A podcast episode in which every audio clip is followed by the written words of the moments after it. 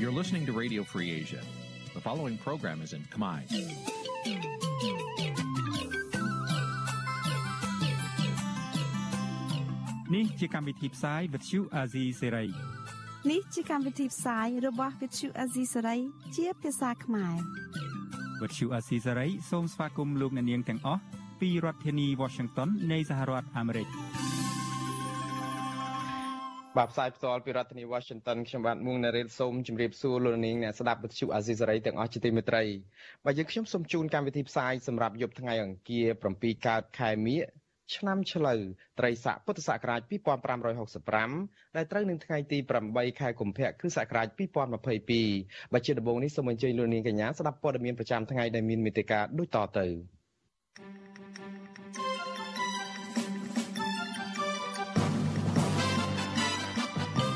សង្គមស៊ីវិលចេញផ្សាយគេហទំព័រអ្នកទោសមនសិការឡើងវិញតឡាការលើកពេលសវនាការករណីលោកកឹមសុខាទៅសប្តាហ៍ក្រោយតឡាការខេត្តកោះកុងក៏ហៅសកម្មជនដីធ្លីម្នាក់ពីបទចោតប្រកាន់បង្កាច់គេអុកញ៉ាហេងហ៊ុយ បាទនៅក្នុងវេទិកាអ្នកស្ដាប់វិទ្យុអាស៊ីសេរីនារីត្រីនេះយើងនឹងពិភាក្សាជុំវិញការអនុវត្តមិនប្រក្រតីជុំវិញការបង្ក្រាបជំងឺកូអឹកជុំវិញការបង្ការជំងឺ Covid-19 រួមនឹងព័ត៌មានផ្សេងៗមួយចំនួនទៀត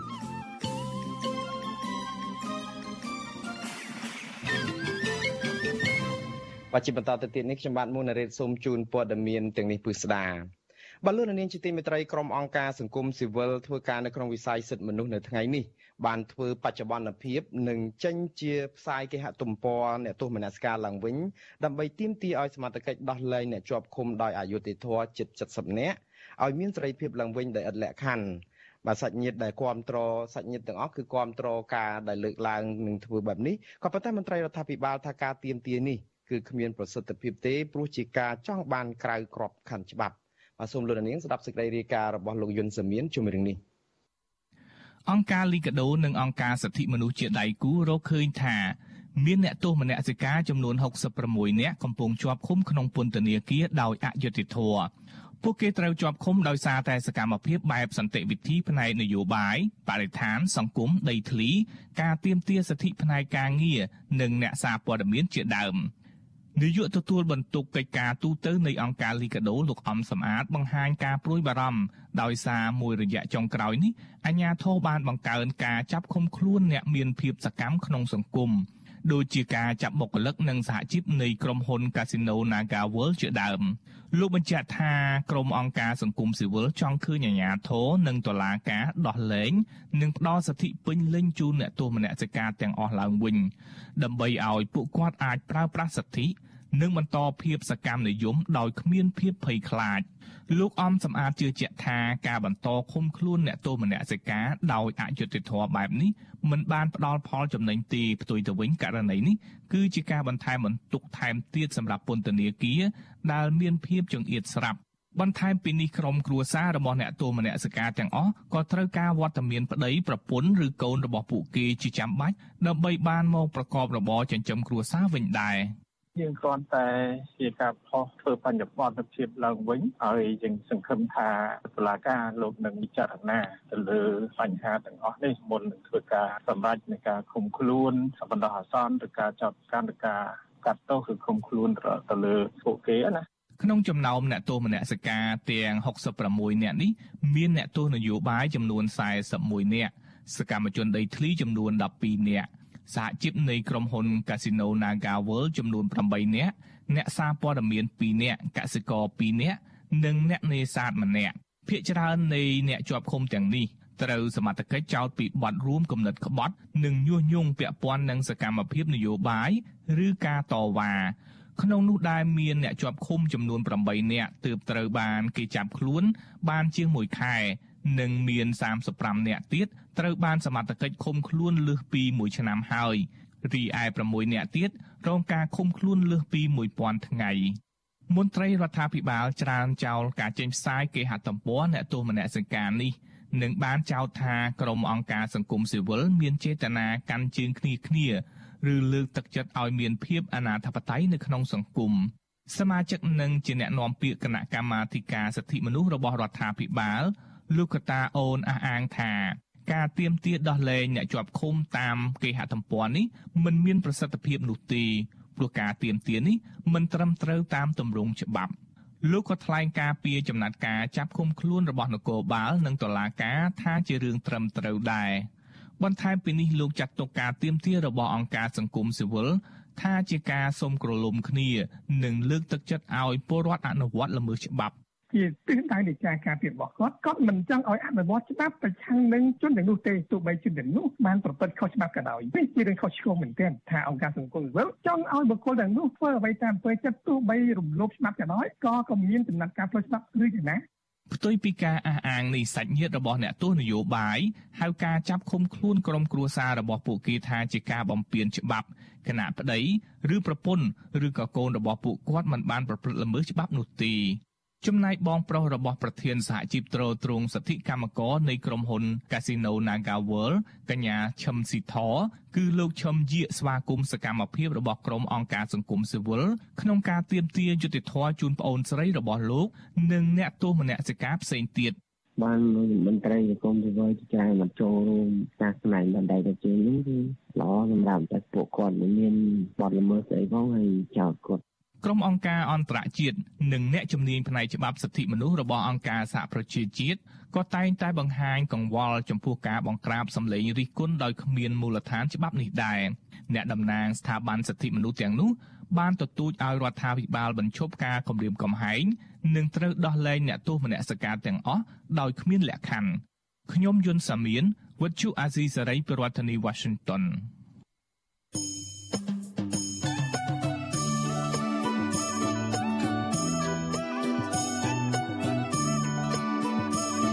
បាទលោកនាងជាមិត្តរីលោកនាងក៏អាចស្ដាប់ការផ្សាយរបស់វិទ្យុអស៊ីសេរីដែលអាចដំណើរគ្នានឹងការផ្សាយតាមបណ្ដាញសង្គម Facebook និង YouTube នេះដែរគឺតាមរយៈរលកធាតុអាកាសខ្លីឬក៏ Short Wave បាទពេលព្រឹកចាប់ពីម៉ោង5កន្លះដល់ម៉ោង6កន្លះតាមរយៈរលកធាតុអាកាសខ្លី9390 kHz ស្មើនឹងកម្ពស់ 32m និង11550 kHz ស្មើនឹងកម្ពស់ 25m នៅពេលយប់គឺចាប់ពីម៉ោង7កន្លះដល់ម៉ោង8កន្លះតាមរយៈរលកធាតុអាកាសខ្លី9390 kHz ស្មើនឹងកម្ពស់ 32m និង15155 kHz ស្មើនឹងកម្ពស់ 20m បាទសូមអរគុណ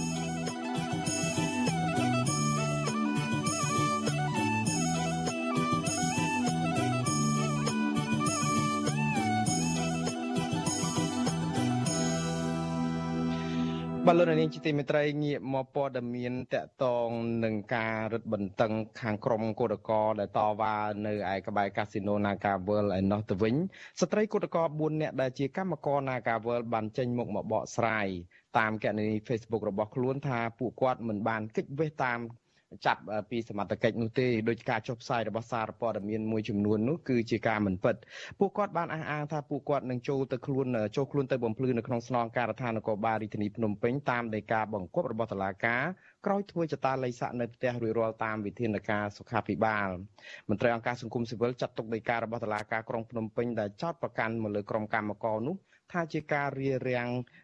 ដោយប្រើប្រាស់វិធានការសុខាភិបាលដែលជាការអនុវត្តច្បាប់មានស្តង់ដារ2និងជារឿងអយុត្តិធម៌ចំពោះពួកគាត់ដែលបានទៅផ្ដល់សំណាក់និងអនុវត្តតាមការណែនាំរបស់ក្រសួងសុខាភិបាលរួចរាល់អស់ទៅហើយបាទសូមលោកនាងស្ដាប់សេចក្តីរាយការណ៍ពិស្ដារជំរឿងនេះពីអ្នកស្រីសុជីវីកម្មករនយោជិត Nagavel 4នាក់លើកឡើងដូចគ្នាថា ខាងរដ្ឋបាលតុលាការនិងសមត្ថកិច្ចរាជធានីភ្នំពេញមិនបានតាក់ទងទៅពួកគាត់ ឲ្យបានដឹងពីដីកានាំខ្លួនឲ្យចូលទៅបំភ្លឺករណីរារាំងវិធានសុខាភិបាលត្រង់មាត្រា11នៃច្បាប់ប្រយុទ្ធប្រឆាំងជំងឺ Covid-19 នោះទេកម្មករ Nagavel ម្នាក់នៅក្នុងចំណោមនោះគឺកញ្ញាអេងស្រីបូឲ្យដឹងថាកញ្ញាមិនបានចូលរួមធ្វើកោតកម្មចាប់តាំងពីថ្ងៃទី3ខែមករារហូតមកដោយសារមានធុរៈផ្ទាល់ខ្លួនកញ្ញាបន្តថាកញ្ញាកំពុងធ្វើចាត់តល័យស័កនៅផ្ទះតាមការណែនាំរបស់ក្រសួងសុខាភិបាល និងសាលារដ្ឋាភិបាលភ្នំពេញរយៈពេល10ថ្ងៃបន្ទាប់ពីបានធ្វើតេស្តដោយលទ្ធផលអវិជ្ជមានកាលពីថ្ងៃទី6ខែកុម្ភៈកម្មកររូបនេះបញ្ជាក់ថានឹងចូលខ្លួនទៅបំភ្លឺតាមដីការបស់តុលាការព្រោះកញ្ញាមិនបានប្រព្រឹត្តកំហុសដោយការចោទប្រកាន់ទេ ចឹងទៅខ្ញុំបានផុសវីដេអូនេះនៅក្នុងเพจអគ្គស្នងការជាតិតែប៉ុណ្ណោះហើយអត់បានផ្ដល់ព័ត៌មានមកឲ្យរូបខ្ញុំផ្ទាល់ទេហើយអ្វីបានជាមានប្រើពាក្យថាឬគឺខ្ញុំកិច្ចវេះហើយនឹងប្រើពាក្យថាចាប់ខ្លួនដោយសារដីកាចេញត្រឹមផុតកំណត់ត្រឹមថ្ងៃទី19ខែ1ឆ្នាំ2022ផងដែរអញ្ចឹងខ្ញុំបានចេញវីដេអូនេះដើម្បីឲ្យអាជ្ញាធរនិងសាធារណជនឲ្យបានជ្រាបចាសូមអរគុណ កម្មករម្នាក់ទៀតគឺកញ្ញាអុកសុភ័ក្រមូលីកាប្រាប់វិទ្យុអាស៊ីសេរីនៅថ្ងៃទី8ខែកុម្ភៈថាកម្មករដែលធ្វើកោតកម្មទាំងអស់មិនជំទាស់ឬរារាំងដល់ការអនុវត្តវិធានការប្រឆាំងជំងឺ Covid-19 របស់ក្រសួងសុខាភិបាលទេក្រោយពេលក្រសួងតម្រូវឲ្យក្រុមកោតតកត្រូវទៅផ្ដាល់សំណាក់នៅមជ្ឈមណ្ឌលកោះពេជ្រកាលពីថ្ងៃទី4ខែកុម្ភៈកញ្ញាបន្តថាក្រសួងទុកពេលឲ្យកម្មករ3ថ្ងៃទៅធ្វើតេស្តចាប់ពីថ្ងៃទី5ដល់ថ្ងៃទី7ខែកុម្ភៈ ប៉ុន្តែបរិយាអាជ្ញារងនៃតុលាការក្រុងភ្នំពេញលោកសេងហៀងបានជជែកដីកាទាំងយប់ឲ្យសមត្ថកិច្ចចាប់កោតតកជាបរិស3នាក់ទៅសាកសួរនៅស្នងការរាជធានីភ្នំពេញនិងបន្តតាមចាប់ខ្លួនកញ្ញានិងកោតតក3នាក់ផ្សេងទៀតទៅវិញ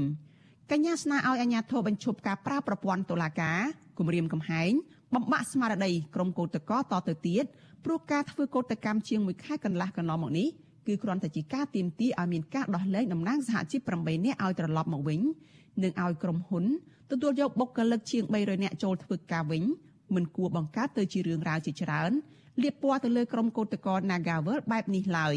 ខ្ញុំសូមឲ្យអាយកាគាត់មុននឹងកោះហៅខ្ញុំចូលទៅបំភ្លឺរឿងហ្នឹងខ្ញុំអត់ដឹងថាត្រូវបំភ្លឺរឿងអីព្រោះជាក់ស្ដែងផុសតាងគឺនៅលើគុកគឺពួកខ្ញុំមិនបានរៀបរៀងទេពួកខ្ញុំព្រមចូលខ្លួនទៅធ្វើសំណាក់មកដល់ថ្ងៃនេះក៏នៅតែមានបុគ្គលិកកម្មករយើងទៅធ្វើសំណាក់ទៅយកសំណាក់បន្តបន្តគ្នាដែរអញ្ចឹងគាត់ថាខ្ញុំរៀបរៀងខ្ញុំរៀបរៀងកន្លែងណា សូមទម្លាក់ប័ណ្ណចោតនឹងសូមទម្លាក់ការកោះហៅខ្ញុំចូលព្រោះបើកោះហៅខ្ញុំចូលសូមចេញពីការកោះហៅក្រុមហ៊ុន Nagavel ផងព្រោះរាល់ថ្ងៃនេះខ្ញុំក៏បានដឹងដំណឹងមកថាបុគ្គលិកដែលកំពុងបម្រើការងារនឹងមានចំនួនលើសលប់ដែលបញ្ជូនទៅមណ្ឌលធ្វើយតាលិស័កហើយបុគ្គលិកកំពុងធ្វើការហ្នឹងក៏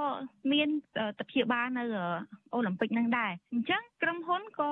ត្រូវតែក៏ហៅទៅសួរដែរពីការរៀបរៀងដែរព្រោះក្រុមហ៊ុនវិធានការក្រុមហ៊ុនកាលពីមុនមកហ្នឹងគឺมันបានអនុវត្តជាប់ជួនដោយអ្វីដែលក្រសួងកំពុងតែឲ្យក្រុមគុតកោអនុវត្តទេឆ្លើយតបនឹងរឿងនេះអ្នកនាំពាក្យស្នងការដ្ឋាននគរបាលរាជធានីភ្នំពេញលោកសានសុកសីហាប្រាប់វិទ្យុអាស៊ីសេរីថាសមត្ថកិច្ចអនុវត្តតាមដីកាបង្គាប់របស់តុលាការ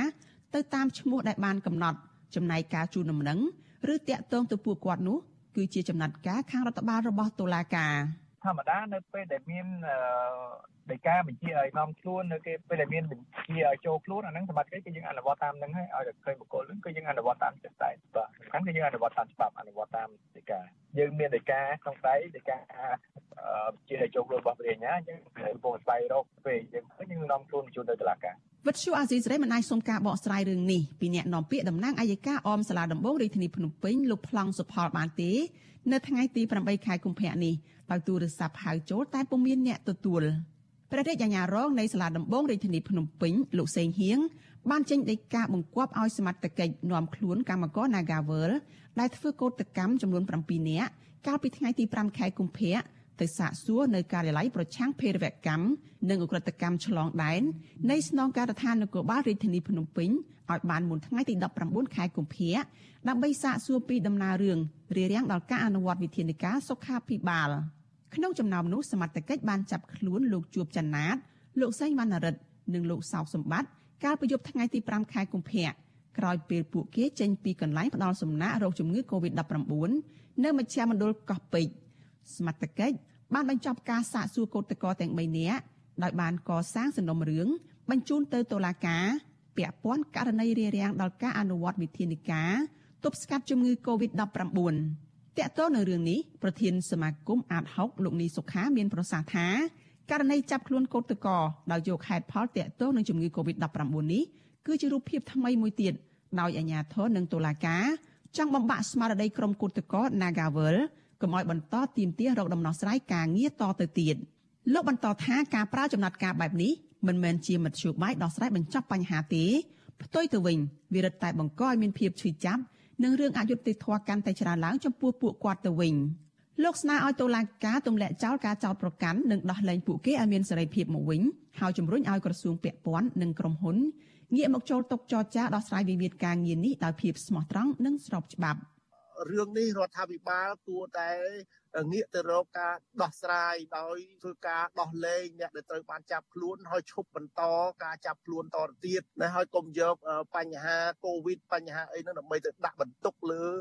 កោតកតទាំងអស់នឹងតទៅទៀតហើយយើងងាកទៅរកការដោះលែងហើយឲ្យឈានទៅរៀបចំដំណោះស្រាយមួយដោយឈរទៅលើច្បាប់យកច្បាប់ការងារជាធំដើម្បីធ្វើការដោះស្រាយទៅអានឹងជារឿងមួយដែលល្អសម្រាប់ភាគីទាំងសងខាងបាទ ក្រុមកោតតកដែលជាបុគ្គលិកកម្មករនៅក្រុមហ៊ុនបនលបែងកាស៊ីណូ Nagavel អះអាងថាពួកគេមិនបានរៀបរៀងវិធានការរបស់អាជ្ញាធរឡើយក្រោយបញ្ចប់ការអនុវត្តតាមក្រសួងសុខាភិបាលពួកគេនឹងបន្តការតវ៉ាដោយអហិង្សាតទៅទៀតដើម្បីឲ្យមានការដោះលែងតំណាងសហជីព8នាក់ដែលកំពុងជាប់ពន្ធនាគារព្រមទាំងកុតកោផ្សេងទៀតដែលទៅចាប់ខ្លួននិងបញ្ចប់វិវាទរវាងពួកគេនិងភាគីក្រុមហ៊ុនដោយយុត្តិធម៌កាលពីពេលថ្មីថ្មីនេះ ក្រុមអង្គការសង្គមស៊ីវិលសមាគមនិងសហជីពដែលធ្វើសកម្មភាពលើកកម្ពស់និងការពារសិទ្ធិមនុស្សសិទ្ធិស្ត្រី និងសិទ្ធិការងារបានរួមគ្នាដាក់លិខិតចំហ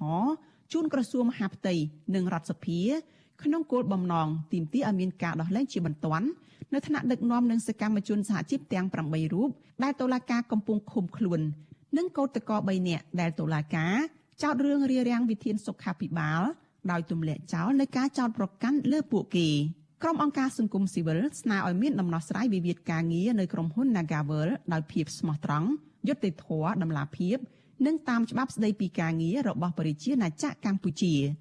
នាងខ្ញុំសុជីវីវិទ្យុអាស៊ីសេរីពីរដ្ឋធានី Washington បាទលោកនាងជាទីមេត្រីវិធានការបង្ការនិងទប់ស្កាត់ការឆ្លងរីករាលដាលនៃជំងឺ Covid-19 គឺជាចំណាត់ការសកលនិងមានស្តង់ដារអនុវត្តប្រហាក់ប្រហែលគ្នានៅលើពិភពលោកក៏ប៉ុន្តែមន្ត្រីអង្គការសង្គមស៊ីវិលផ្នែកសិទ្ធិការងារនិងអ្នកជំនាញផ្នែកវិទ្យាសាស្ត្រសង្កេតឃើញថាអាជ្ញាធរកម្ពុជាអនុវត្តស្តង់ដារមិនប្រក្រតីចំពោះវិធានការបង្ការជំងឺ Covid-19 ប្រភេទ Omicron ជាពិសេសករណីអនុវត្តលើក្រុមបុគ្គលិកក្រុមហ៊ុន Nagavel នោះតើអ្វីទៅជាស្តង់ដារសកលនៃការអនុវត្តវិធានការបង្ការជំងឺ Covid-19 នៅលើពិភពលោកនិងតើករណីគឧតកោនៅ Nagavel នេះជាករណីបង្ការ Covid ឬក៏ជាការបង្ក្រាបការតវ៉ារបស់ពួកគាត់បាទសូមលោកនាងរងចាំស្ដាប់នីតិវេទិកាអ្នកស្ដាប់វិទ្យុអាស៊ីសេរី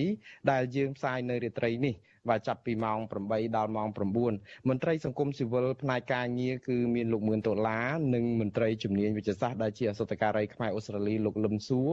និងធ្វើជាវាគ្មិននៅក្នុងរាត្រីនេះបាទលោកនាងអាចចូលរួមជាមតិយោបល់ឬក៏សួរសំណួរដល់វាគ្មិនរបស់យើងដោយដាក់ជាមតិយោបល់នោះនៅក្នុងខ្ទង់ comment ឬក៏ដាក់លេខទូរស័ព្ទនៅក្នុងខ្ទង់ comment ដូចគ្នានៅទំព័រ Facebook របស់វិទ្យុអាស៊ីសេរីនិងតាម YouTube នៅក្នុងពេលកំពុងផ្សាយផ្ទាល់នេះក្រុមការងាររបស់យើងខ្ញុំនឹងស្រង់មតិទាំងនោះឬក៏ទូរស័ព្ទទៅលោកអ្នកនាងវិញដើម្បីបានចូលរួមនៅក្នុងកម្មវិធីផ្សាយនារីត្រីនេះបាទសូមអរគុណ thank you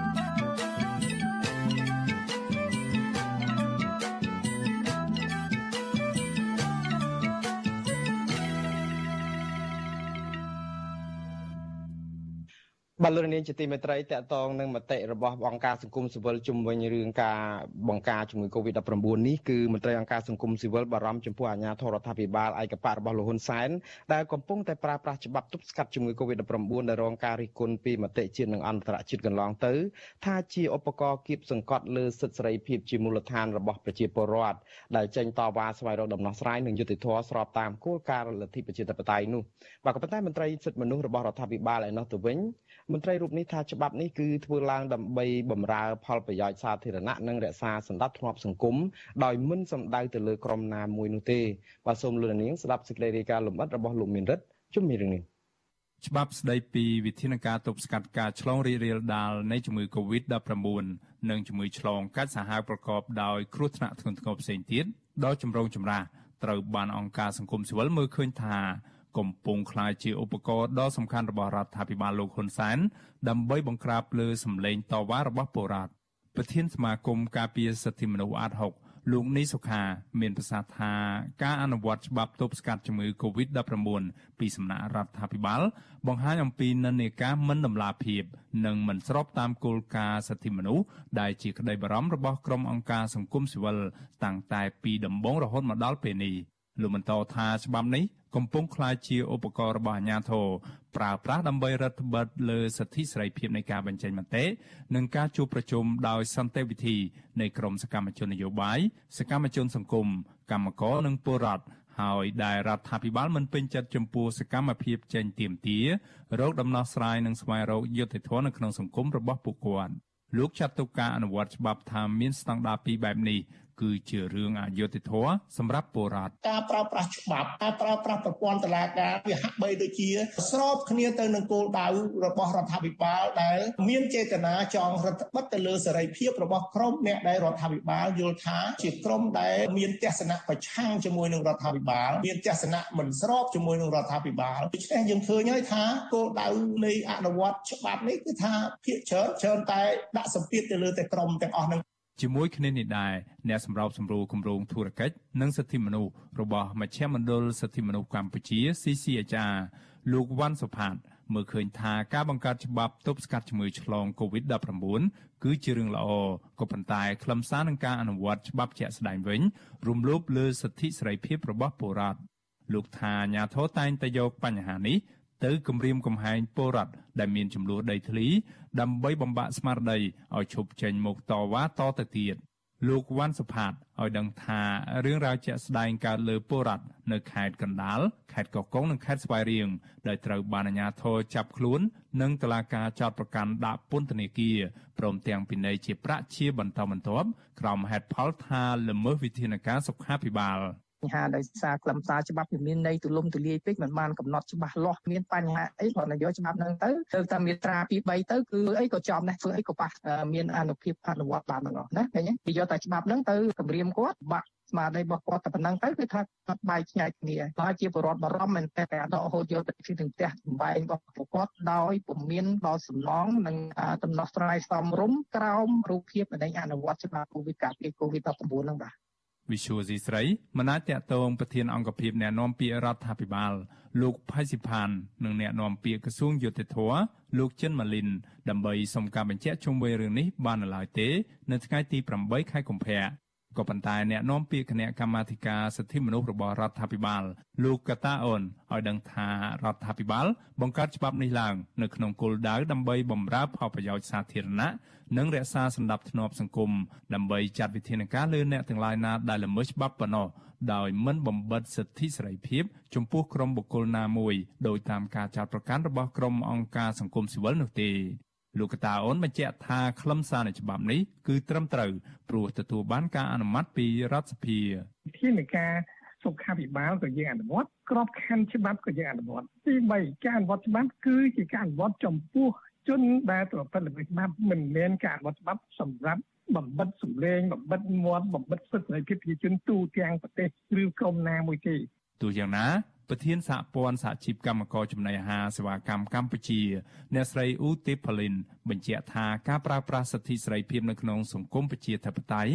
មិនគួរចាប់ខ្លួន ឬចោទប្រកាន់តាមប្រព័ន្ធតុលាការ ជាពិសេសក្រោមច្បាប់ទប់ស្កាត់ជំងឺ Covid-19 នោះទេ អ្នកស្រីបញ្ជាក់ថាបើទោះបីជាច្បាប់ដែលបង្កើតឡើងនេះ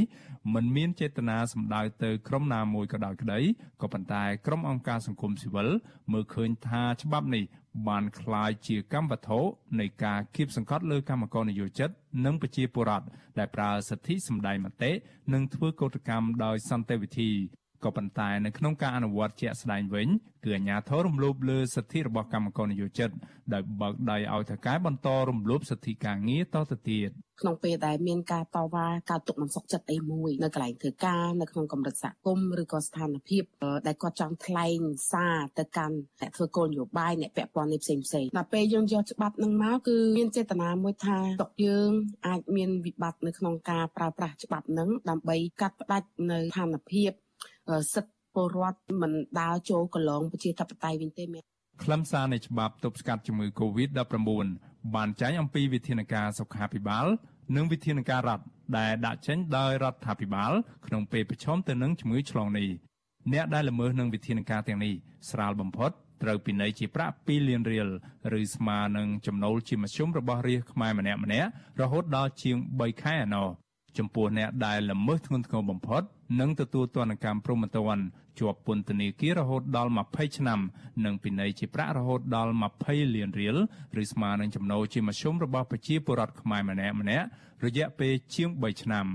ទំហំទណ្ឌកម្មជាប់ពន្ធនាគារនិងពិន័យជាប្រាក់នេះសុទ្ធតែត្រូវបានរិះគន់ជាពិសេសពីក្រុមអង្គការសង្គមស៊ីវិលជាតិនិងអន្តរជាតិពីអ្នកជំនាញសិទ្ធិមនុស្សរបស់អង្គការសហប្រជាជាតិ ថាច្បាប់នេះផ្ដល់អំណាចច្រើនលើសលប់ដល់អាជ្ញាធររដ្ឋាភិបាល នៅក្នុងការរដ្ឋបិទសិទ្ធិសេរីភាពការដាក់ពិន័យនិងការដាក់ទោសទណ្ឌធ្ងន់ធ្ងរទៅលើប្រជាពលរដ្ឋផ្ទុយពីគោលការណ៍ច្បាប់សិទ្ធិមនុស្សអន្តរជាតិក្រុមអង្គការសង្គមស៊ីវិលទទូចដល់រដ្ឋាភិបាលគួរពិចារណាលើខ្លឹមសារច្បាប់នេះឡើងវិញ និងពង្រឹងការអនុវត្តច្បាប់ប្រកបដោយតម្លាភាពត្រឹមត្រូវដើម្បីធានាឲ្យបាននូវប្រសិទ្ធភាពនៃការអនុវត្តច្បាប់ ខ្ញុំបាទមេរិត Visual C ស្រីរាយការណ៍ពីរដ្ឋធានី Washington បាទលោកនាងជាទីមេត្រីជំវិញការអនុវត្តវិធានការសុខាភិបាលនៅក្នុងការបង្ការជំងឺ Covid-19 ដែលកំពុងតែ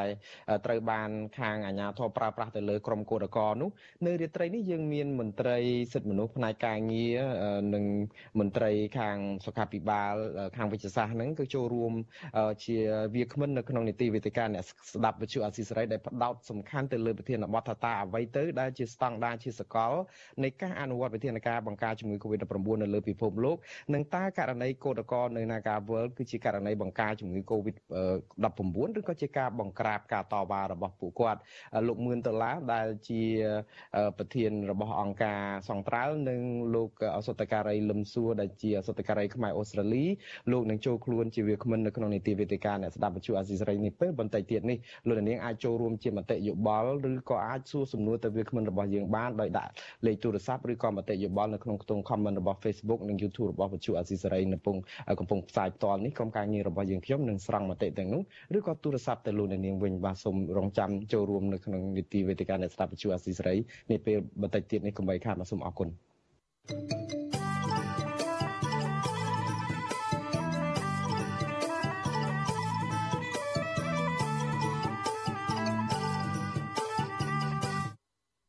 បាទលោកនាងជាទីមេត្រីនៅថ្ងៃទី8ខែកុម្ភៈនេះកម្ពុជារកឃើញអ្នកឆ្លងជំងឺ Covid-19 ចំនួន102អ្នកបន្ថែមទៀតជាប្រភេទអូមីក្រុងទាំងអស់នៅក្នុងនោះគឺ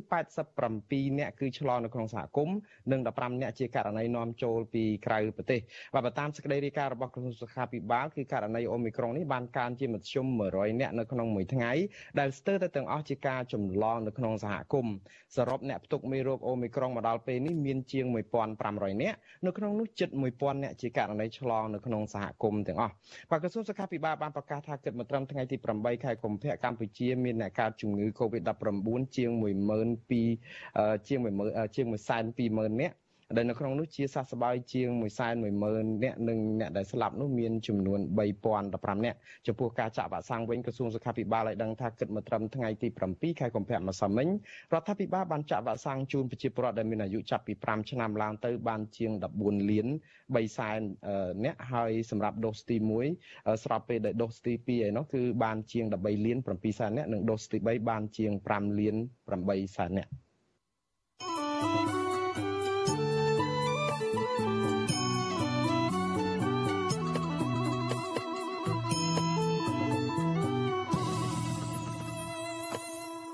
បាទពីខេត្តកោះកុងឯណោះទៅវិញគឺសាលាដំបងខេត្តនេះក៏ហៅតំណាងប្រជាពលរដ្ឋដែលមានចំនួនដីធ្លីម្នាក់ឲ្យចូលបំភ្លឺនៅក្នុងសំណុំរឿងព្រមត្តនពាក់ព័ន្ធនឹងការបង្កាច់គេនិងបរិហាគេលើអង្គញាហេងហ៊ុយបាទបទចោតនេះគឺបន្ថែមពីលើបទចោតញុះញង់ដែលតឡាការបានចោតប្រកាន់ពួកគាត់កាលពីខែវិច្ឆិកាឆ្នាំ2021កន្លងទៅបាទអង្គការសង្គមស៊ីវិលស្នើសុំឲ្យតឡាការពិនិត្យមើលសំណុំរឿងនេះឲ្យបានច្បាស់លាស់និងទម្លាក់ចោលរាល់ការចោតប្រកាន់លើតំណាងប្រជាពលរដ្ឋព្រោះរឿងរ៉ាវនេះគឺផ្ដើមចេញពីចំនួនដីធ្លីដែលពុំមានដំណោះស្រាយបាទសូមលោកនាងស្ដាប់សេចក្តីរាយការណ៍របស់លោកទីនសាការីយ៉ាជុំវិញរឿងនេះព្រះរាជអាជ្ញារងនៃតំណាងអัยការអមស្រុកដំបងខេត្តកោះកុងលោកខុនភឿនបង្គាប់ឲ្យលោកស្រីដេតហួរតំណាងបរដ្ឋជិត200គ្រួសារនៅភូមិតានីឃុំជីខលើស្រុកស្រែអំបិលឲ្យចូលខ្លួនបំភ្លឺនៅតុលាការនៅថ្ងៃទី15កុម្ភៈខាងមុខក្រោមបទចោទបរិហាបង្កាច់គេនិងបរិហាគេជាសាធារណៈតាមបណ្ដឹងរបស់អង្គការហេងហ៊ុយប្រធានក្រុមហ៊ុនហេងហ៊ុយអភិវឌ្ឍនិ ងជាមន្ត្រីនគរបាលផ្កាយ2នៅខេត្តកោះកុងនេះជាលើកទី2ហើយដែលតុលាការខេត្តកោះកុងកោះហៅស្ត្រីសកម្មជនដីធ្លីរូបនេះបន្ទាប់ពីកោះហៅម្ដងរួចបង្ហាយកាលពីថ្ងៃទី22ខែធ្នូឆ្នាំ2021ប៉ុន្តែតុលាការផ្អាកការសាកសួរទៅវិញដោយសារតុលាការជាប់រវល់ប្រជុំសន្និបាតបូកសរុបការងារប្រចាំឆ្នាំ តំណាងប្រជាពលរដ្ឋ197គ្រួសារលោកស្រីដេតហ៊ូដែលទទួលបានដីកាពីសមត្ថកិច្ចនៅថ្ងៃទី8កុម្ភៈប្រាប់អសិរ័យថាលោកស្រីនឹងចូលខ្លួនតាមការកំណត់របស់តុលាការទោះបីជាគ្មានមេធាវីក៏ដោយអ្នកស្រីចាត់ទុកការកោះហៅពីតុលាការម្ដងហើយម្ដងទៀតនេះថាជាការគម្រាមកំហែងបំបាក់ស្មារតីពលរដ្ឋដែលបាត់បង់ដីស្រែជាង14ឆ្នាំដើម្បីឲ្យឈប់តវ៉ាពីអាជ្ញាធរនិងក្រសួងពាក់ព័ន្ធតទៅទៀតលោកស្រីបញ្ជាក់ថាការនិយាយនឹងសរសេរឈ្មោះលោកហេងហ៊ុយ ដាក់ក្នុងញត្តិស្វែងរកកិច្ចអន្តរាគមន៍ពីអាជ្ញាធរខេត្តកោះកុងក្រសួងដែនដីនិងក្រសួងមហាផ្ទៃកន្លងមកនោះគឺដោយសារតែបុគ្គលរូបនេះបានប្រើគ្រឿងចាក់និងកងកម្លាំងរំលោភយកដីស្រែរបស់អ្នកភូមិតានីលោកស្រីស្នើឲ្យតុលាការពិនិត្យមើលបណ្ដឹងនេះឲ្យបានច្បាស់លាស់និងទម្លាក់ចោលការចាប់ប្រកាន់លើបរដ្ឋព្រោះបណ្ដឹងរបស់លោកហេងហ៊ុយដាក់នៅតុលាការគឺកើតចេញពីការតវ៉ារបស់ប្រជាពលរដ្ឋរឿងដីធ្លីដែលមិនទទួលបានដំណោះស្រាយពីក្រុមហ៊ុន មុនវងពួកដេកាពី10នាក់ទៅ9នាក់ឥឡូវប្រែមកជាម្នាក់ឯងខ្ញុំអញ្ចឹងខ្ញុំឈឺចាស់ជាទីបំផុតខ្ញុំចង់ឲ្យរដ្ឋាភិបាលហើយក្រុមទាំងសាលាការហ្នឹងធ្វើការពិចារណាកុំយកប្រជាពលរដ្ឋដាក់ ទោសនឹងរឿងតុលាការអញ្ចឹងគឺវាអត់ល្អហើយហើយកុំចេញព័ត៌មានថាប្រជាពលរដ្ឋឬគេអភិវឌ្ឍដីហើយកើតទោសតវ៉ាគ្នានេះបើប្រជាពលរដ្ឋអត់បាត់បង់ដីក៏គាត់អត់ទៅតវ៉ាហើយក៏គាត់អត់ប្រឹងប្រែងយ៉ាងយ៉ាងដែរពីព្រោះប្រជាពលរដ្ឋគាត់បាត់បង់ដីពិតប្រាកដហើយក៏គាត់ជាម្ចាស់ដីពិតប្រាកដការកោះហៅលោកស្រីដេតហ៊ូឲ្យចូលបំភ្លឺនៅពេលខាងមុខនេះគឺជាករណីបន្ថែមមួយទៀតលើសំណុំរឿងប្រមត្តនចាស់ប្រឆាំងលោកស្រីកាលពីខែវិច្ឆិកាឆ្នាំ2021 ទាក់ទងនឹងបទញុះញង់ឲ្យមានភាពវឹកវរធ្ងន់ធ្ងរដល់សន្តិសុខសង្គមមកទល់ពេលនេះតឡាការនៅមិនទាន់បញ្ចប់នីតិវិធីសាកសួរតំណាងបរិបទពីអ្នកទៀតនិងប្រកាសសារក្រមសំណុំរឿងនេះនៅឡើយទេវិទ្យុអាស៊ីសេរីមិនអាចតាក់ទងแนะនាំពាក្យតឡាការខេត្តកោះកុងលោកស៊ូសវណ្ណរាដើម្បីសុំការបំភ្លឺពីរឿងនេះបានទេនៅថ្ងៃទី8កុម្ភៈចំណែកប្រធានក្រុមហ៊ុនហេងហ៊ុយអភិវឌ្ឍគឺលោកហេងហ៊ុយ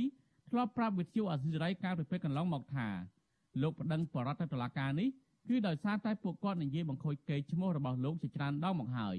ថាទៅរំលោភយកដីអ្នកភូមិដែលខុសច្បាប់លោកបញ្ជាក់ថាការនិយាយរបស់ប្រជាពលរដ្ឋទាំងអស់នោះគឺជារឿងមិនពិតពីព្រោះក្រុមហ៊ុនរបស់លោកទទួលបានសិទ្ធិវិនិយោគពីរដ្ឋដែលលោកអះអាងថាមានប្លង់កម្មសិទ្ធិកាន់កាប់ដីធ្លីត្រឹមត្រូវតាមច្បាប់តកតងនឹងរឿងនេះអ្នកសម្របសម្រួលនៃអង្គការសិទ្ធិមនុស្សលីកាដូប្រចាំខេត្តកោះកុងលោកហ៊ូអ៊ីនមានប្រសាសន៍ថា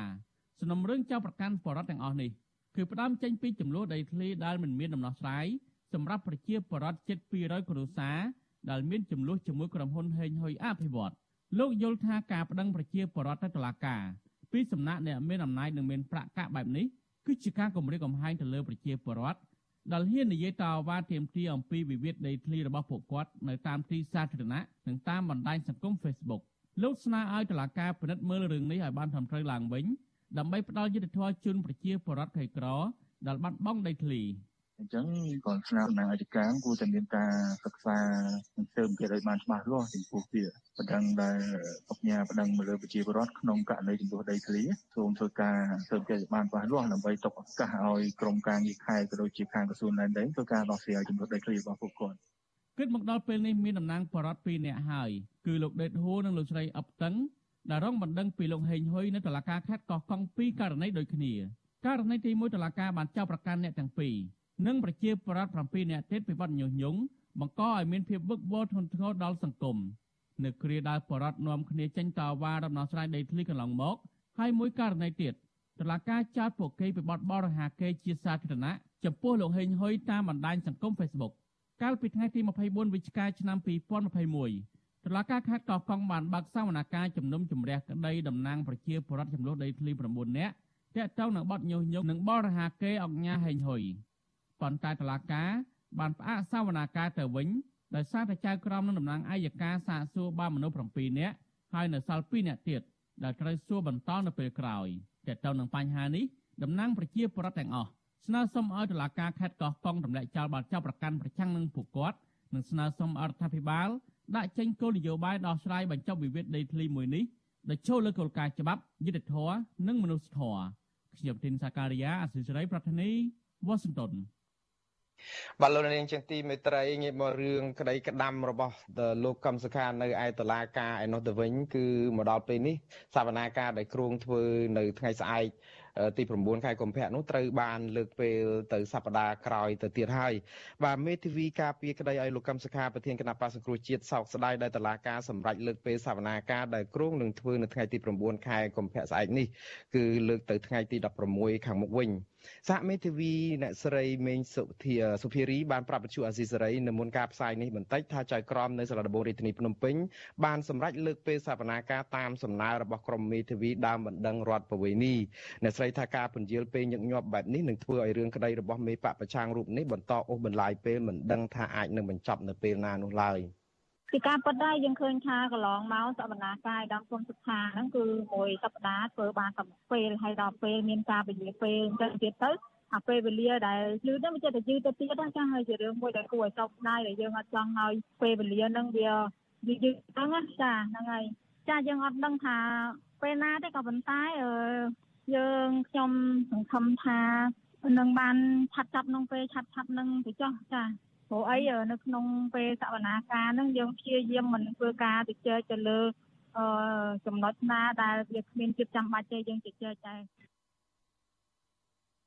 បាទអ្នកស្រីក៏បានបញ្ជាក់ទៀតថាគឺមេធាវីដើមបដងរដ្ឋប្រវេណនេះបានបង្ហាញមូលហេតុនៃការសុំលើកពេលសវនាការថាមេធាវីទាំង4នាក់កំពុងធ្វើចតាល័យស័ក បន្ទាប់ពីមេធាវីម្នាក់នៅក្នុងចំណោមនោះមានផ្ទុកជំងឺ Covid-19 បាទជាមួយគ្នានេះនៅពេលដែលអ្នកយសារព័ត៌មានអាស៊ីសេរីចោទសួរថាតើការពន្យាពេលបន្តបន្ទាប់នេះអាចនាំទៅដល់ការបង្ខិតបង្ខំឲ្យលោកកឹមសុខា សារភាពកំហុសនៅពេលណាមួយដែរឬទេអ្នកស្រីមេងសុភារីឆ្លើយតបថានេះគឺជារឿងដែលមិនអាចទៅរួចព្រោះការបង្ខំឲ្យឆ្លើយសារភាពគឺជាការបញ្ជាក់ថាខាងភាគីដើមមិនដឹងនិងអាយកាពុំមានភ័ស្តុតាងគ្រប់គ្រាន់នៅក្នុងសំណុំរឿងនេះ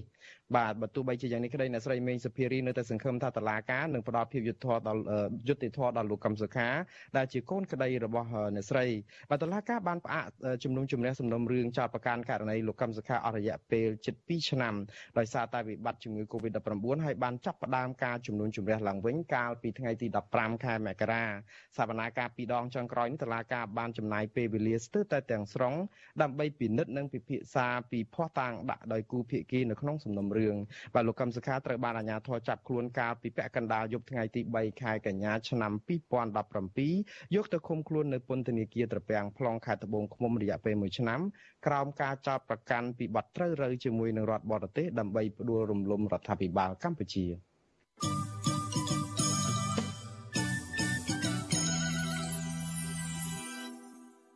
បាទពីព្រៃឡង់ឯណោះវិញនៅឯខេត្តព្រះវិហារគឺក្រមអ្នកការពារបរិស្ថានអះអាងថាពួកគាត់បានរកឃើញដើមឈើធំធំបន្សល់ទុកចុងក្រោយជាច្រើនដែលស្ថិតនៅក្នុងដែនជម្រកសត្វព្រៃឡង់ដែលក្រសួងបរិស្ថានចាត់ទុកថាជាតំបន់ស្នូលឬក៏ជាតំបន់ការពារដ៏តឹងរ៉ឹងបំផុតនោះហើយកំពុងតែទទួលរងការកាប់រំលំធ្វើអាជីវកម្មពីពេញព្រៃអភិរក្សមួយនេះពីសំណាក់ក្រុមហ៊ុនវៀតណាមក្រុមស្នូលបណ្ដាញសហគមន៍ព្រៃឡង់មួយក្រុមបានលបឆ្មក់ចុះល្បាតប្រទះឃើញកម្មកររាប់រយនាក់ ប្រដាប់ដោយរណាយន្តស្ទើរគ្រប់ដៃកំពុងតែពង្រាយពេញព្រៃឡង់ដើម្បីកាប់ឈើធំធំដឹកចូលការដ្ឋានក្រុមហ៊ុនវៀតណាមមួយនេះដែលមានទីតាំងស្តុកឈើខ្នាតធំនៅជាប់ព្រៃឡង់ក្នុងស្រុករវៀងនៅខេត្តព្រះវិហារបាទលោកនាងនឹងបានស្ដាប់ព័ត៌មានលម្អិតជុំពីរឿងនេះនៅក្នុងការផ្សាយរបស់វិទ្យុអាស៊ីសេរីនាព្រឹកស្អែកចាប់ពីម៉ោង5កន្លះដល់ម៉ោង6កន្លះបាទសូមអរគុណ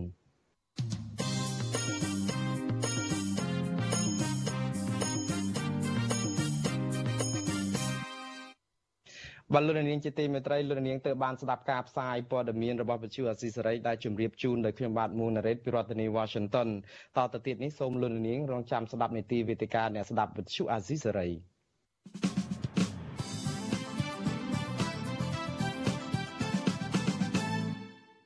បាទនេះគឺជាវេទិកាអ្នកស្ដាប់វិទ្យុអាស៊ីសេរី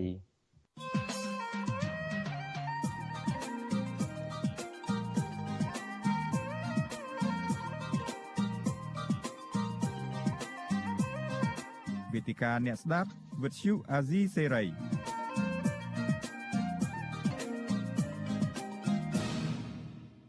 បបាទលោកនាងជាទីមេត្រីខ្ញុំបាទមុងណារ៉េតសូមជម្រាបសួរលោកនាងសាជាថ្មីហើយនេះគឺជានីតិវេទិកាអ្នកស្ដាប់វិទ្យុអាស៊ីសេរីនៅក្នុងរាត្រីនេះគឺយើងផ្ដោតទៅលើប្រធានបទសំខាន់តកតងនឹងចំណាត់ការរបស់រដ្ឋាភិបាលទៅលើក្រុមគឧតកនៅឯកាស៊ីណូ Naga World បាទវិធានការបង្ការនិងទប់ស្កាត់ការឆ្លងរីករាលដាលនៃជំងឺ Covid-19 គឺជាចំណាត់ការសកលហើយមានស្តង់ដារអនុវត្តនឹងប្រហាក់ប្រហែលគ្នានៅលើពិភពលោកក៏ប៉ុន្តែមន្ត្រីអង្គការសង្គមស៊ីវិលផ្នែកសិទ្ធិមនុស្សនិងសិទ្ធិការងារនិងអ្នកជំនាញផ្នែកវិទ្យាសាស្ត្រផង សង្កេតឃើញថាអាជ្ញាធរកម្ពុជាអនុវត្តស្តង់ដារមិនប្រក្រតីចំពោះវិធានការជំងឺ Covid-19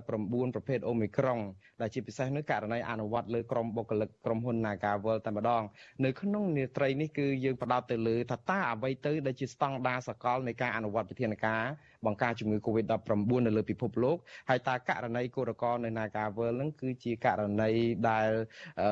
ការពារឬក៏បង្ការជំងឺ Covid-19 ឬក៏ជាការបង្ក្រាបពួកគាត់មិនឲ្យតវ៉ាបាទនៅក្នុងរាត្រីនេះយើងមានវាគ្មិនពីររូបដែលមួយរូបគឺជាប្រធានអង្គការសង្ត្រាល់គឺលោកមឿនដុល្លារបាទខ្ញុំបាទសូមជម្រាបសួរលោកមឿនដុល្លារពីចម្ងាយបាទហើយគុណបាទហើយមួយរូបទៀតគឺប៉ុណ្ណាលោកឱសថការីខ្មែរអូស្ត្រាលីលឹមសួរពីប្រទេសអូស្ត្រាលីបាទសូមជម្រាបសួរលោកលឹមសួរពីចម្ងាយបាទជម្រាបសួរលោកប៉ូនទាំងពីរ អរគុណណាស់យើងនៅពិភព3ផ្សេងគ្នាដាច់ពីគ្នាណាស់នៅភ្នំពេញឯណោះកំពុងតែក្តៅស្អុះស្អាប់ខ្លាំងណាស់លោកមឿនដុល្លារកំពុងតែរអ៊ូរទាំថាក្តៅខ្លាំងឯនៅប្រទេសអូស្ត្រាលីអាកាសធាតុនោះក៏រៀងត្រជាក់បើនៅខាងខ្ញុំឯនេះវិញនេះកំពុងតែដក1ដឺក្រេណាបើត្រជាក់មែនតើគឺកកហើយអញ្ចឹងយើងនៅពិភព3ខុសគ្នាតែយ៉ាងណា កម្មវិធីរាត្រីនេះគឺប្រធានបទនៅក្នុងរឿងតែមួយដូចគ្នាគឺនៅប្រទេសកម្ពុជាអញ្ចឹងជាកិច្ចចាប់ផ្ដើមខ្ញុំចង់ជម្រាបទៅលោកអសតការីលឹមសួរមុនចោះដោយសារតែ អឺលោកនៅប្រទេសអូស្ត្រាលីវិធានការបង្ការផ្សេងផ្សេងតាក់ទងនឹងការទប់ស្កាត់ជំងឺ Covid-19 នេះជាទូទៅនេះចង់បានប្រសាសន៍អំពី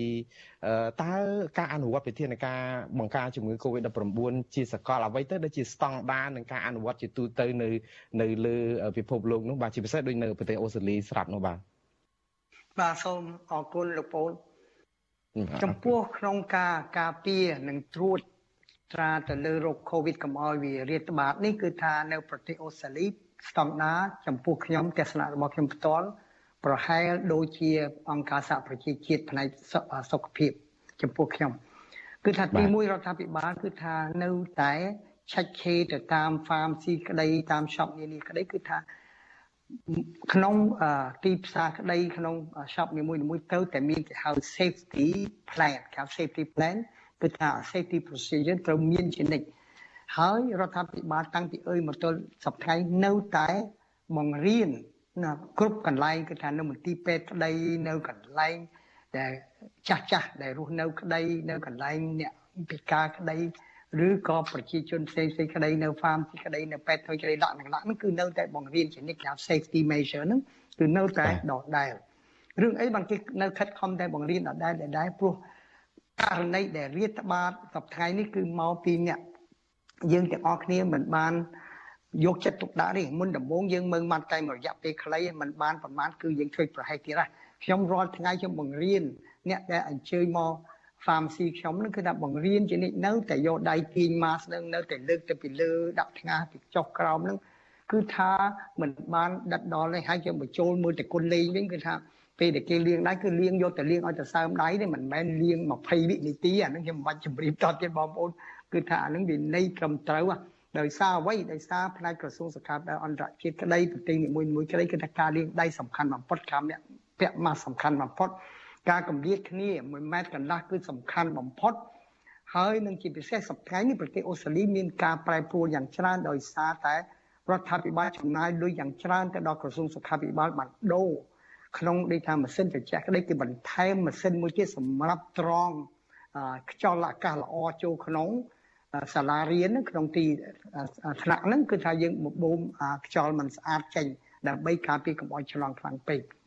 អានោះសំខាន់ណាស់ហើយសប្តាហ៍នេះទៀតគឺថាព្រួយបារម្ភជាងគេអានេះខ្ញុំនិយាយទៅចោះខ្ញុំនិយាយតាំងពីអើយមកគណៈអ្នកខ្លះដែលឆ្លងគឺអ្នកដែលអត់មានរោគសញ្ញាដែលព្រួយបារម្ភជាងគេ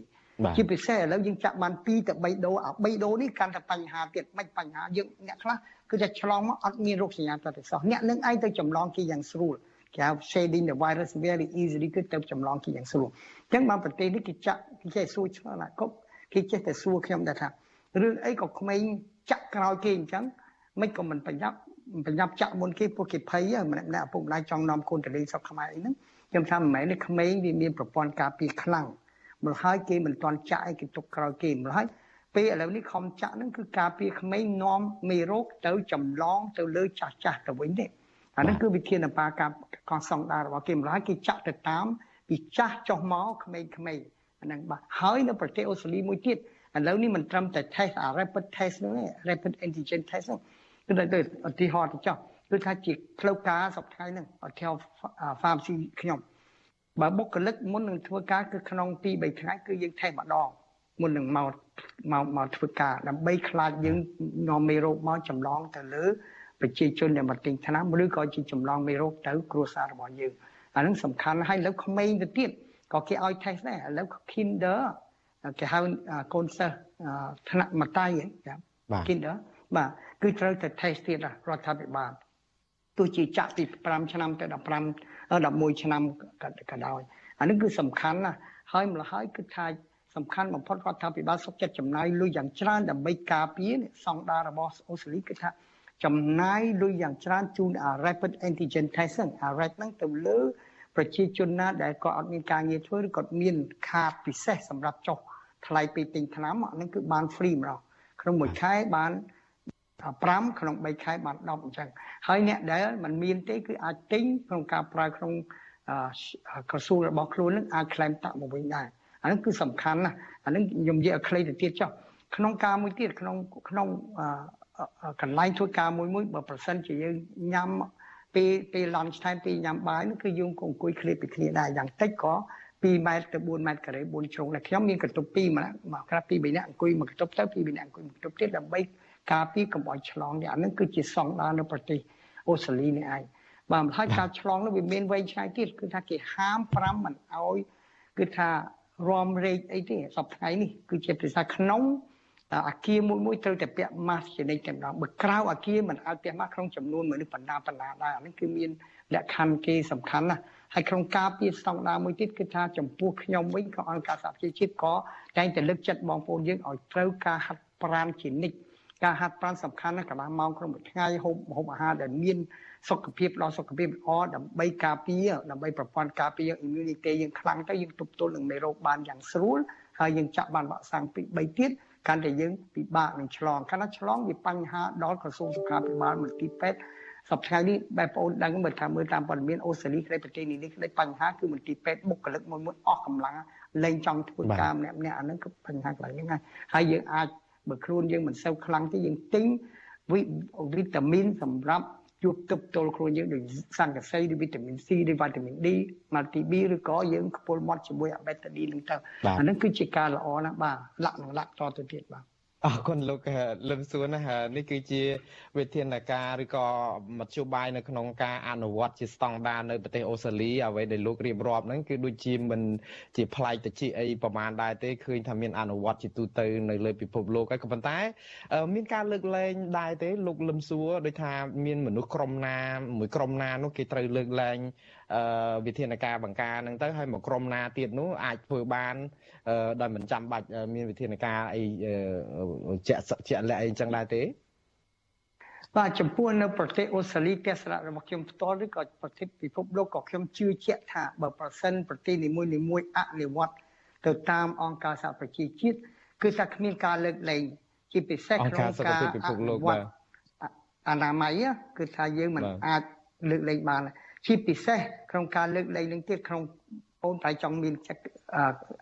នៃក្នុងការចាក់វ៉ាក់សាំងមួយសំខាន់ណាព្រោះពិភពលោកនៅមានការបញ្ហាដូចកាណាដាសប្តាហ៍នេះមានបញ្ហាប្រឆាំងក្នុងការចាក់វ៉ាក់សាំងនឹងប្រទេសអូស្ត្រាលី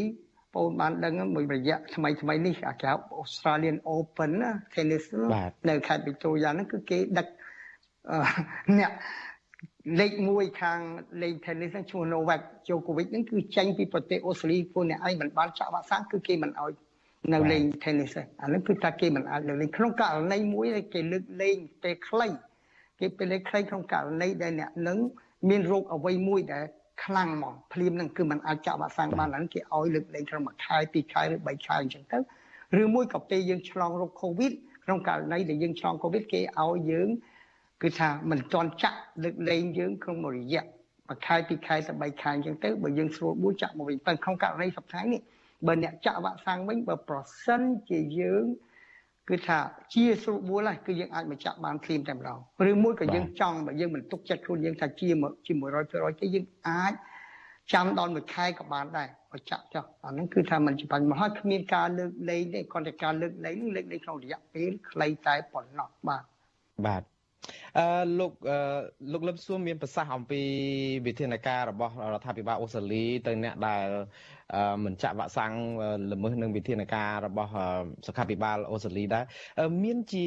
បទបញ្ញត្តិឬក៏ទោសទណ្ឌ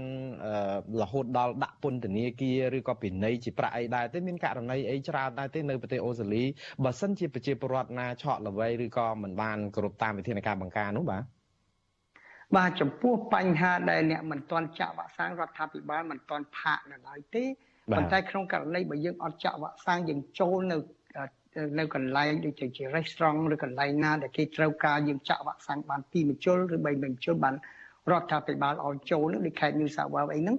បើយើងមិនទាន់បានចាក់ទេបើយើងចូលទៅបើគេចាប់បានគេនឹងពិន័យយើងដូចខ្ញុំចាំខ្ញុំចាំនៅនៅខេត្ត New South Wales ដូច1000ដុល្លារ ខ្ញុំ Victoria ខ្ញុំមិនដឹងចំនួនប្រមាណគឺគេត្រូវការពិន័យយើងតែម្ដងម្ល៉េះហើយយើងត្រូវតែចាក់បើយើងមិនចាក់គឺយើងមិនអាចធ្វើដំណើរទៅបរទេសទៅលេងប្រទេសក្រៅឬក៏យើងមិនទៅខេត្តនីមួយៗយើងមិនអាចទៅបានគឺថាច្បាប់គឺច្បាស់ចេះច្បាស់គឺថាយើងមិនអាចទៅបានជានិច្ចព្រោះយើងមិនទាន់ចាប់ហាក់សាំងបាន អរគុណលោកលឹមសួរណាស់យើងនឹងស្លេះរឿងនេះបន្តិចពីរឿងអូស្ត្រាលីយើងងាកមកប្រទេសកម្ពុជាវិញលោកនាងដែលកំពុងស្ដាប់ការផ្សាយរបស់វិទ្យុអាស៊ីសេរីនេះជានីតិវិទ្យាអ្នកស្ដាប់វិទ្យុអាស៊ីសេរីដែលមានវាគ្មិនពីររូបគឺលោកអសតការីលឹមសួរដែលជាអសតការីខ្មែរអូស្ត្រាលីដែលចូលរួមជាវាគ្មិនជាមួយនឹងលោកមឿនដុល្លារដែលជាមន្ត្រីជាប្រធានអង្គការសង្ត្រាល់មន្ត្រីសិទ្ធិការងារហើយយើងផ្ដោតទៅលើថាតើ ការដែលវិធានការអនុវត្តជាសកលក្នុងការបង្ក្រាបជំងឺ Covid-19 នោះវាមានស្ថានភាពបែបណាហើយនៅកម្ពុជាគេអនុវត្តយ៉ាងដូចម្ដេចលោកដុល្លារឥឡូវនេះរឿង Nagavel យើងឃើញថាចំណាត់ការរបស់អាជ្ញាធរនៅក្នុងវិធានការចាត់ការហ្នឹងបើស្ដាប់អ្វីដែលជាប្រសាសន៍របស់លោកលឹមសួរដូចជាស្តៀងនឹងអ្វីដែលជាវិធានការវិន័យតឹងតែងណាប៉ុន្តែអឺលោកយល់យ៉ាងម៉េចដែរអំពីចំណាត់ការនៅក្នុងពេលបច្ចុប្បន្ននេះតកតនឹងការតវ៉ានៅទីនោះបាទ បាទសូមអរគុណច្រើនហើយជំរាបសួរសាជាថ្មីលោកណារ៉េតហើយក៏ជំរាបសួរលោកលំសួរដែរជំរាបសួរក្តីនៅកន្លងពីសុកខ្មែរផងបាទខ្ញុំតាមពិតខ្ញុំជួបលោកនៅអូស្ត្រាលីដែរតែនៅក្នុង pharmacy ហើយនៅនៅកម្មវិធីអឺអឺ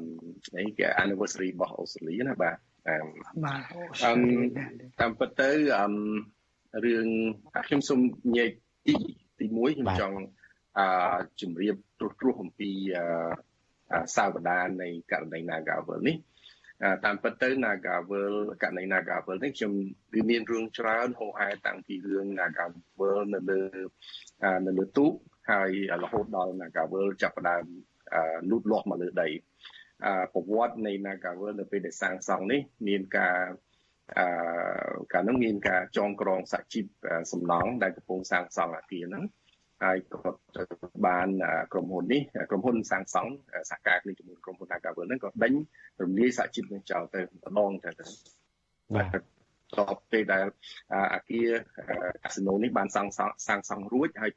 ដំណើរការនៅសេវាកម្មកាស៊ីណូនេះលបែងកាស៊ីណូនេះក៏មានការរៀបចំសហជីពបងប្អូនបុគ្គលិកយុជិតហ្នឹងក៏ព្យាយាមបង្កើតសហជីពនៅកាស៊ីណូហ្នឹងបង្កើតបានទៅក៏ត្រូវបានគេរំលាយហើយក៏ អឺរំលាយអស់តែនាំទៅខ្ចាត់ខ្ចាយគ្នាទាំងទៅក៏ពួកគាត់ចាប់ដើមព្យាយាមបង្កើតភាសាទៀតរំលាយភាសាទៀតហើយករណីសហជីពរបស់កញ្ញាឈឹមសិទ្ធនេះគឺជាករណីទី3ហើយដែលត្រូវបានក្រុមហ៊ុននេះព្យាយាមរំលាយចោលភាសាទៀតខ្ញុំងាកមកលំអិតបន្តិចពាក់ព័ន្ធនឹងត្រួតត្រាសលំអិតត្រួតត្រាសពាក់ព័ន្ធនឹង ករណីចំនួន Nagavel ពេលបច្ចុប្បន្ននេះគឺតាមពិតវាចាប់ផ្ដើមពីការអនុវត្តសិទ្ធិអឺគឺសិទ្ធិពីរជាមូលដ្ឋានសិទ្ធិក្នុងការសេរីភាពសហជីពហ្នឹងគេហៅថា freedom of association ហ្នឹងដែលមានធានានៅក្នុងអនុសញ្ញាស្នូលរបស់អង្គការពលកម្មអន្តរជាតិលេខ87ហើយក៏បានដាក់នៅក្នុងរដ្ឋធម្មនុញ្ញនៃប្រជាណាចក្រកម្ពុជាដែរអំពីសិទ្ធិរបស់កម្មករនិស្សិត បុគ្គលិកនិស្សិតក្នុងការបង្កើតជាសហជីពហ្នឹងហើយសិទ្ធិមួយទៀតដែលគាត់បានអនុវត្តហ្នឹងគឺសិទ្ធិក្នុងការចរចាជាសមូហភាពគេហៅថា right to collective bargaining ហ្នឹងនៅពេលដែលសហជីពចាប់ផ្ដើមអឺស្នើឡើងในការចរចាប្រាក់ឈ្នួលក៏ដូចជាការកែសម្រួលនៅលក្ខខណ្ឌការងារមួយចំនួននៅក្នុងនោះគឺរួមមានទាំងអឺការទៀមទីឲ្យខាងក្រុមហ៊ុនហ្នឹងលុបចោលនៅបំរាមមិនឲ្យបុគ្គលិកដែលជាស្ត្រីហ្នឹង អឺមានផ្ទៃពោះរហូតដល់ការងាររបស់ខ្លួនរហូតដល់3ឆ្នាំនៅក្នុងក្រុមហ៊ុនបានបានមានសិទ្ធិមានផ្ទៃពោះមានអីនេះគឺថាខាងសហជីពហ្នឹងក៏បានស្នើសុំឲ្យលុបបំរាមនឹងចោលករណីនឹងចោល ចឹងនៅពេលដែលចរចាមិនទាន់ត្រូវគ្នាក៏មិនទាន់បានចរចាអីស្រួលផងក៏មានការឈប់ចរចាពីខាងក្រុមហ៊ុនទៅហើយក៏មានការព្យួរការងារថ្នាក់ដឹកនាំមួយចំនួនក៏មានការបដិងផ្ដាល់គ្នាទៅក្រសួងការងារមន្ទីរការងារអីចឹងទៅរហូតទៅដល់នៅពេលដែលកូវីដហ្នឹងក៏មានការជំរុះបុគ្គលិកនិយោជិតរហូតដល់1000អ្នកជាងហើយនៅពេលនឹងឯងដែលការជំរុះនេះទៀតសោតគឺ ក្រុមហ៊ុនក៏អត់លោកអត់បានគោរពតាមនីតិវិធីនៃការគេហៅថា mass layoff ហ្នឹងគោរពនីតិនីតិវិធីនៃការបញ្ឈប់ទ្រង់ទ្រាយធំបាទបាទបាទជំរុះជំរុះនៅក្នុងទ្រង់ទ្រាយធំហ្នឹងតាមពិតនៅក្នុងច្បាប់គេតម្រូវថាគេឲ្យសម្លឹងមើលបុគ្គលិកណាដែលមានអតីតភាពតិចជាងគេអតីតភាពតិចជាងគេក៏ជាចំណុចមួយដែរគេឲ្យពិនិត្យមើលទៀតថាតើបុគ្គលិកណាដែលមានបន្ទុកបន្ទុកគ្រួសារបន្ទុកជីវភាពរបស់គាត់ហ្នឹងអឺ ទៀបជាងគេឬក៏បើសិនជាគាត់អតីតភាពតិចជាងគេក៏ប៉ុន្តែបន្ទុកគាត់ធ្ងន់ជាងគេឧទាហរណ៍ថាខ្ញុំអតីតភាពតិចជាងគេប៉ុន្តែបន្ទុករបស់ខ្ញុំត្រូវចិញ្ចឹមកូន4កូន5នេះទៅគេក្រុមគេតម្រូវឲ្យក្រុមហ៊ុនទុកសិនគេប្រជុំគេជំរុះអ្នកដែលមានបន្ទុកគ្រួសារនោះតិចសិនពោះតាមពិតស្មារតីនៃច្បាប់នេះគឺគេចង់ធានានៅសុខ កុមារភាពសង្គមនឹងឯងគេធានាថាប្រជាប្រដ្ឋនឹងនៅមានចំណូលនៅមានអីហ្នឹងអញ្ចឹងនៅពេលដែលអឺជំរុះហើយឈានទៅដល់ការជំរុះហ្នឹងគឺរហូតដល់ប្រជុំនៅថ្នាក់ដឹកនាំក៏ដូចជាគាត់ទៅពុះបុគ្គលិកអីហ្នឹងហើយក៏មិនមានការបង្ហាញថាមានការឯកភាពពីអត្តការការងារដូចច្បាប់បានតម្រូវទេក្នុងហ្នឹងហើយដែលក្រមវិស័យអាជ្ញាក្រៅបានតម្រូវឲ្យក្រុមហ៊ុនហ្នឹងយក បុគ្គលិកនិយោជិតដែល ជាថ្នាក់ដឹកនាំសហជីពនឹងចូលវិញប៉ុន្តែជាអកុសលនយោជកនឹងអត់បានគោរពតាមសេចក្តីបង្គាប់របស់ក្រមសាស្ត្រអាក្រាលហើយក៏ធ្វើឲ្យសហជីពជួលដំណឹងធ្វើកោតកម្មការជួលដំណឹងធ្វើកោតកម្មនឹងមានការបោះឆ្នោតជាសម្ងាត់ជួលដំណឹងនឹងមុនសន្ទុះច្រាស្របតាមអ្វីដែលច្បាប់បានកំណត់ទៅទៀតប៉ុន្តែនៅថ្ងៃទី18ខែ11នៅពេលដែលកោតកម្មផ្ទុះឡើងយើងឃើញថា តុលាការនឹងលោកបានចេញនៃការរក្សាការពារមួយដោយកំណត់គុណវត្តថាកោតកម្មនឹងជាកោតកម្មខុសច្បាប់ហើយតម្រូវឲ្យកោតក្រទាំងអស់ហ្នឹងចូលទៅការវិញក្នុងរយៈពេល48ម៉ោងសម្រាប់ខ្ញុំខ្ញុំថាការចេញនៃការកំណត់គុណវត្តនេះហាក់ដូចជាអត់បានសិក្សាអត់បានស៊ើបអង្កេតថាតើកោតកម្មនឹងបានគោរពតាមនីតិវិធីដូចដែលបានចែងកំណត់នៅក្នុងច្បាប់ដែរអត់នឹងគឺជាចំណុចដែលជីវវិទ្យាហើយបន្ទាប់មកអាជ្ញាធរលោកបាន block អឺពីវិលដែលដែលកោតក្រធ្វើកោតកម្មហ្នឹងតែធ្វើឲ្យកោតក្រទាំងអស់ហ្នឹងមិនអាចទៅធ្វើឈោប្រជុំគ្នាធ្វើកោតកម្មពាក្យនឹងអាគារ Nagawal ហ្នឹងហើយក៏គាត់ព្យាយាមប្រមូលផ្ដុំគ្នានៅជិតស្ថានទូតអូស្ត្រាលីនឹងឯងនៅពេលបច្ចុប្បន្នហ្នឹងអាជ្ញាធរលោកបានបកស្រាយថានោះមិនមែនជាកោតកម្មទេប៉ុន្តែជាបាតកម្មខុសច្បាប់ដែលសំអាងទៅលើដីការដ្ឋាភិបាលនឹង ចឹងលោកតាឡាខ្ញុំកាត់លោកបន្តិចទេតាមពិតលោកអាចមានប្រសាសន៍បន្តទៀតតែសូមអធិស្ឋានដោយសារតែការផ្សាយរបស់យើងសម្រាប់លោកនាងដែលស្ដាប់តាមរលកធាតុអាកាសខ្លីលោកនាងមិនអាចនឹងឮតទៅទៀតទេចាប់ពីម៉ោង8សំទោសម៉ោងហ្នឹងឯងម៉ោង8កន្លះទៅនេះគឺលោកនាងលែងឮការផ្សាយរបស់យើងទៅហើយតែលោកនាងដែលស្ដាប់តាម Facebook និងទស្សនាតាម YouTube នោះគឺនៅនៅបន្តការផ្សាយនេះកន្លះម៉ោងតទៅទៀតបាទសូមអរគុណហើយសូមអធិស្ឋានលោកតុលាដែលខ្ញុំកាត់សូមជើញតទៅទៀតបាទបបាទអរគុណអឹមនៅពេលដែលព្យាយាមរៀបរៀងកោតកោមិនអាចទៅធ្វើកោតកម្មគៀកនៅមុខរោងមុខសន្ទុះមុខអគារកាស៊ីណូ Naga World ហ្នឹងយើងឃើញថាមានការទៀងកោកងកម្លាំងចម្រុះច្រើនណាតាំងពីសំបីតាអឺពជាការពារប៉ូលីសមូលដ្ឋានហើយនឹងមាន PM ផងឯផងបើសិនជា បើសិនជាយើងមើលទៅបើសម្រាប់ខ្ញុំខ្ញុំមើលទៅខ្ញុំព្យាយាមជីកាត់អីមើលស្ថានភាពដែរខ្ញុំថាចំណាយច្រើនណាស់ក្នុងមួយថ្ងៃមួយថ្ងៃហ្នឹងគ្រាន់តែបាយទឹកនំចំណីឲ្យកងកម្លាំងបងបងហ្នឹងក៏មិនតិចជាង1000ដុល្លារដែរខ្ញុំខ្ញុំមើលទៅណាហើយបន្ទាប់មកនៅមានការចាប់ខ្លួនទៅលើផ្នែកនាំ 20នាក់ជាងបណ្ដៃដោះលែងវិញឃុំខ្លួន8នាក់ហើយក្រោយមកនេះគឺចាប់ខ្លួនថែម3នាក់ទៀតតាមពិត6នាក់បណ្ដៃគេលែងវិញ3នាក់ហើយនៅសល់3នាក់ដែលគេចោតប្រកាន់រឿងផ្សេងចោតប្រកាន់អំពីការរំលោភទៅលើវិធានការសុខាភិបាល